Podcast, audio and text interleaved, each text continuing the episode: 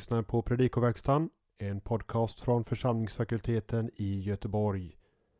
Daniel Johansson, lektor i Nya Testamentet, går igenom kommande helgdags evangelietext till hjälp för dig som ska predika eller för dig som är intresserad av en djupdykning i evangelietextens innehåll och ärende. För mer information om församlingsfakulteten och hur du kan stötta arbetet gå in på www.ffg.se. Men nu Daniel Johansson. God lyssning. Första årgångens evangelium för heliga trefaldighetsdag hämtar vi i Matteus 11, 25-27. Vi kan inledningsvis lägga märke till uttrycket en ekeino to kairo vid den tiden det här återkommer i 12.1 och 14.1. Matteus skriver sedan apokryfeis och Jesus eipen. Jesus svarade och sade. Varken Bibel 2000 eller Folkbibeln återger participet apokryfeis svara. Eftersom Jesus inte är engagerad i någon dialog har man betraktat participet som överflödigt.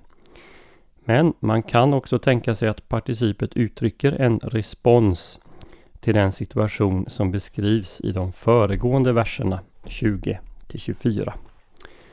På två sätt kopplar Matteus det Jesus säger här till de närmast föregående verserna. Dels genom tidsuttrycket vid den tiden och dels genom participet svarade.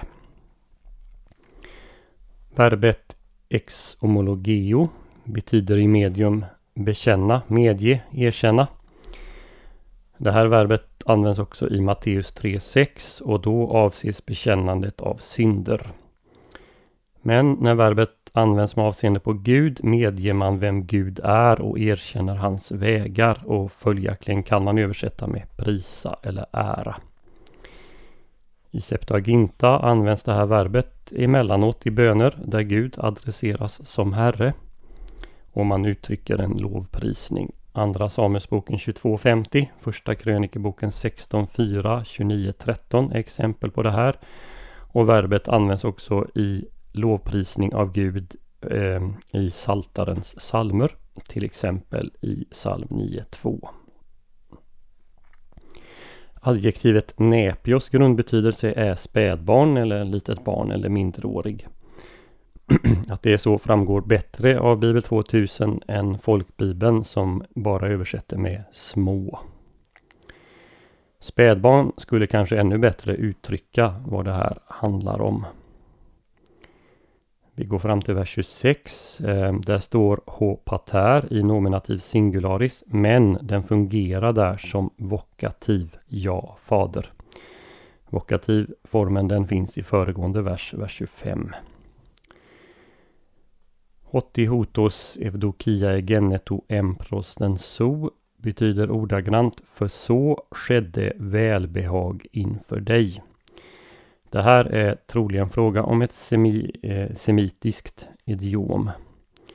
Man kan också tänka sig en ellipsis, det vill säga att något ord som kan underförstås från kontexten har utelämnats. Man skulle kunna översätta så här. För att göra så var välbehagligt inför dig. Och så vers 27. Notera först att subjektet panta, som ju står i neutrum pluralis, tar sitt verb paredothe i singularis.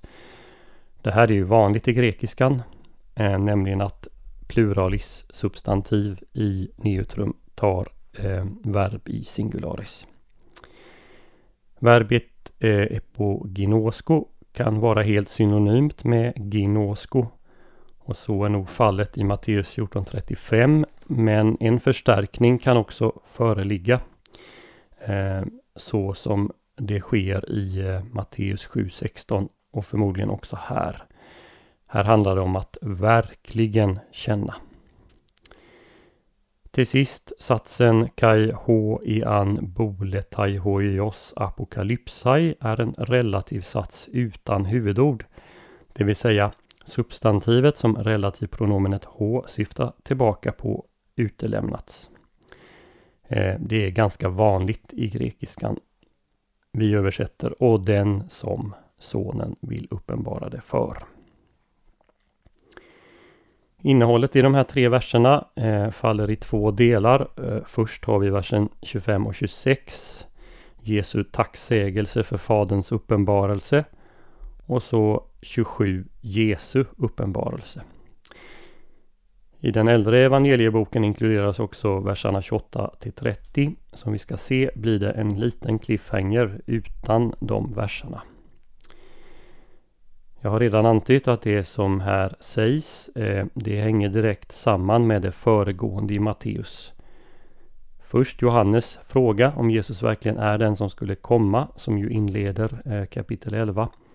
Eh, och sedan den negativa responsen Jesus talar om, eh, responsen till både Johannes döparen och honom själv. Har något gått fel? Varför verkar Gud inte verka? Ja, de frågorna ligger bakom det som sägs i verserna 25 till 27. Och Jesus ger ett rakt svar. Gud är i full gång med att verka. Och inte bara det, relationen mellan Gud och Jesus går utöver allt som tidigare varit känt för Israel. Jesus är den som på ett helt unikt sätt känner Gud och som likt Fadern själv kan uppenbara honom för människor. Vi möter här inte bara en hög kristologi, vi får också insyn i Faderns och Sonens verk som uppenbarare. Och så några kommentarer till detaljer i först verserna 25 och 26. Noterar först hur Jesus adresserar Gud. Tidigare i evangeliet har Jesus talat om Gud som er far eller vår far. Här adresseras han två gånger som fader. Jesus är redan här, om än implicit sonen, det som blir explicit i vers 27. Vidare kallas Gud för himmelens och jordens herre, en anspelning på Gud som skaparen och uppehållaren av allting. Därmed säger Jesus att Gud allt jämt verkar, allt sker enligt hans plan. Kontrasten mellan hur Jesus adresserar Gud med en benämning som vittnar om ett nära, intimt förhållande och en annan som vittnar om Gud eh, som den unike som skiljer sig från allting annat som skapelsens ursprung och herre. Den kontrasten kunde ju inte vara större men förs här i ett par satser samman. Kontrasterna fortsätter när Jesus beskriver Guds uppenbarelse. Det Jesus gör, dessa ting, måste ju syfta på Jesu ord och gärning och kanske även Johannes döparens. Dessa ting är dolda för de lärda och kloka men uppenbarade för spädbarnen. Innehållsligt påminner detta om Matteus 9.13. Jag har inte kommit för att kalla rättfärdiga utan syndare. Och det betyder ju att han inte har kommit de som anser sig vara rättfärdiga respektive de som anser sig vara syndare. Är de lärda och kloka fariseerna och de skriftlärda? Ja, det är möjligt, men Jesus avser här alla som inte tar emot budskapet. Hela det otroende Israel ad adresseras ju i kapitel 11. Särskilt i de verser som närmast föregår det Jesus här säger. Här kan man för övrigt jämföra med Jesaja 29.14. De visas vishet ska förgås. De förståndigas förstånd ska förmörkas. De visa, det är de som är självtillräckliga. Jesu ord träffar här en stark tradition i judendomen vid denna tid. en tradition som sa att det fanns ett fåtal som faktiskt var visa och hade förmågan att känna igen Guds ting. Vi måste väl säga att i en ännu högre grad träffade vår tids individualism och egocentrerad egenupphöjelse kan också jämföra med vad Jesus säger i Lukas 18.14 om vem som ska bli upphöjd respektive förutmjukad. Jesus han tar fram kontrasten mot, gentemot de kloka och visa. Eh, han tar fram den med hjälp av begreppet spädbarn eller de små.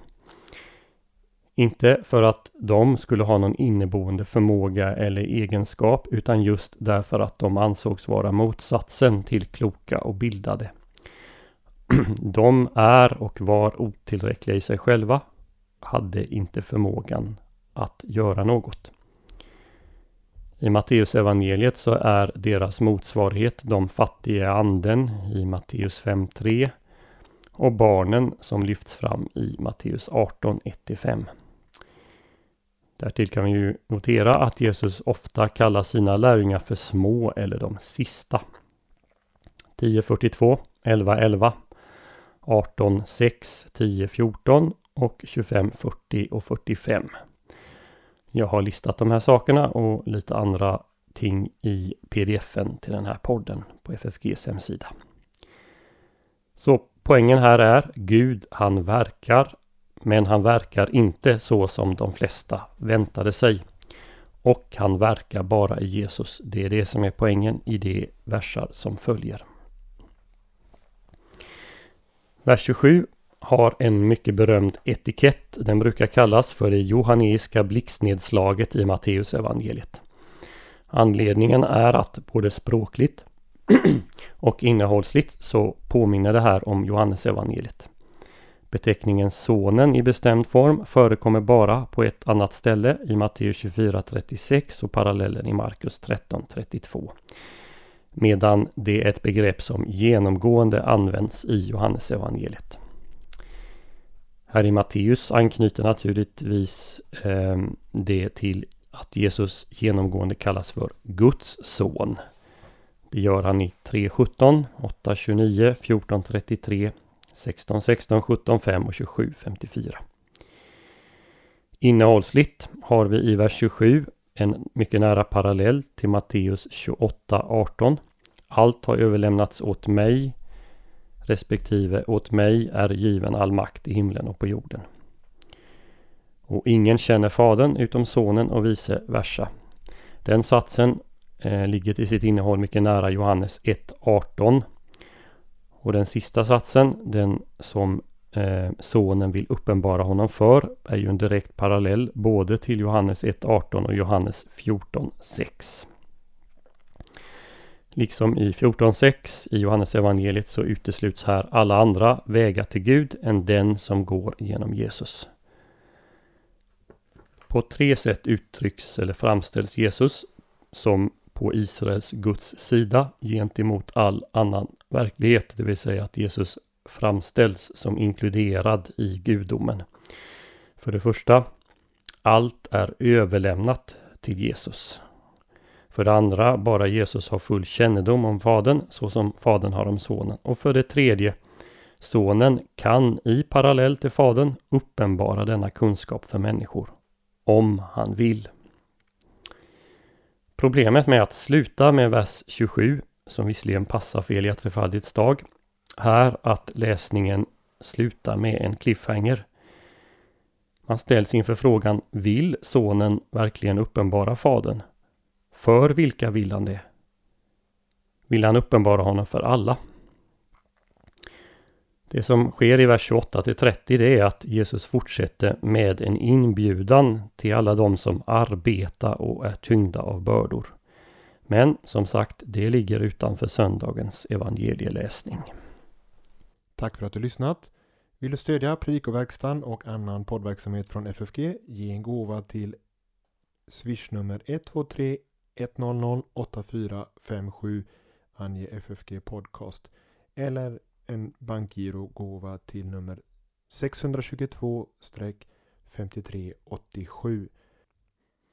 Är det så att du står i församlingstjänst vill vi uppmuntra till att föreslå för församlingen att ge ett anslag till församlingsfakulteten årligt eller genom en kollekt eller liknande. Tack på förhand.